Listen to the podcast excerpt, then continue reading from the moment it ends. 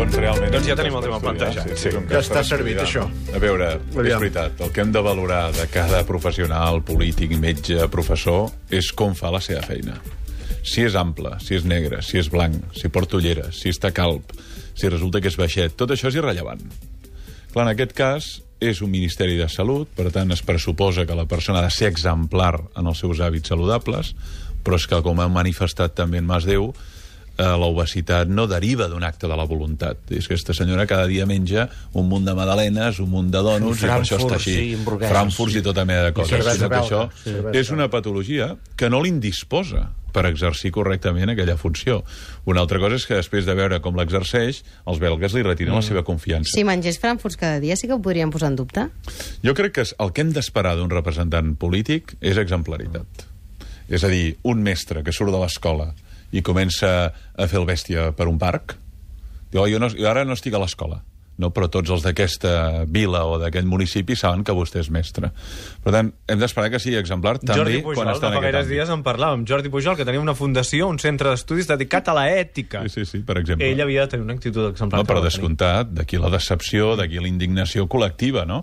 Llavors jo crec que sí que s'ha d'esperar d'algú que regeix un Ministeri de Salut que almenys vetlli per bons hàbits, perquè si no fàcilment li posaran el dit a la, a la llaga, no? Ara, una malaltia, que una persona tingui un problema de visió, que una persona tingui... Escolta, això... La pregunta és, afecta el seu rol, la seva funció en aquell ministeri? No, no hi ha res a dir. L'efecte, sí. Si no, al final ens posaríem en la vida privada. Si aquesta persona s'ha separat, no s'ha separat, si és homosexual, si és heterosexual. Per l'amor de Déu, ens hem de centrar en el seu camp competencial. Què diuen els nostres oients, Marta Cristià? Ja, perquè hi ha opinions també per Sí, tots els gustos. polèmica, eh? Exacte. Diu, la Raquel, per exemple, ens diu i la nostra ministra de Sanitat té credibilitat i està com un fideu. El que importa és que sàpiga fer la seva feina. Veus? Quants metges fumen? Es pregunta la Raquel. En canvi, la Rosa diu, doncs si un metge fuma, fatal. Si, pati, si patís anorèxia, us semblaria més malalta. Aquesta senyora té obesitat, per tant, no està saludable i no hauria de tenir aquest càrrec. Parlem de salut. La Mireia, això no és mala imatge. L'obesitat és un problema de salut pública i no és precisament un bon exemple per a una ministra de Salut. És com si hi hagués un ministre d'Economia que es dediqués a robar. En canvi... Home. La... Sí. Bé, sí, és En- gros, és gros. Vols dir això. que és el mateix? en Ja, però- canvi, la Diana diu el que importa és que faci bé la seva feina, és igual si és grassa o prima. Em sembla increïble que se la qüestioni perquè està grassa. La nostra és prima i sí que caldria posar en dubte si està capacitada. Sí, perquè en el rerefons de moltes d'aquestes intervencions hi ha latent un prejudici estètic. Vol dir, acceptem com una persona que és un referent polític, un referent social, aquella que compleix les normes, les pautes del model masculí o del model femení, respectivament. Per tant, aquell que surt, i surt molt d'aquestes normes, el comencem a posar amb interrogació. Això passa molt per determinades feines, feines que en principi el físic no hauria de ser el més rellevant, i en canvi un pot veure quants anuncis demanen bona presència.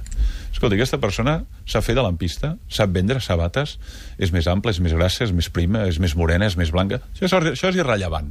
La qüestió és si sap vendre sabates i ja que està en una sabateria.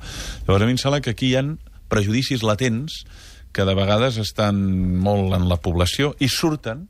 Surten, afloren amb un cas d'aquesta naturalesa, com és el cas d'aquesta ministra belga.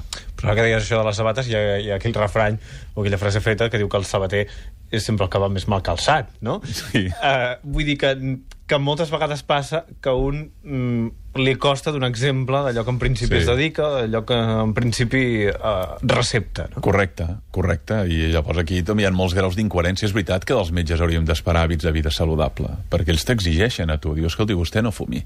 Llavors aquest senyor cada hora surt a fora de l'hospital i fuma. Aquí hi ha una crisi d'exemplaritat. Ara, aquest és un cirurgià que talla perfectament. Aquest és un, un pediatre que sap exactament detectar la malaltia d'aquest nen. Això és el que hem de valorar.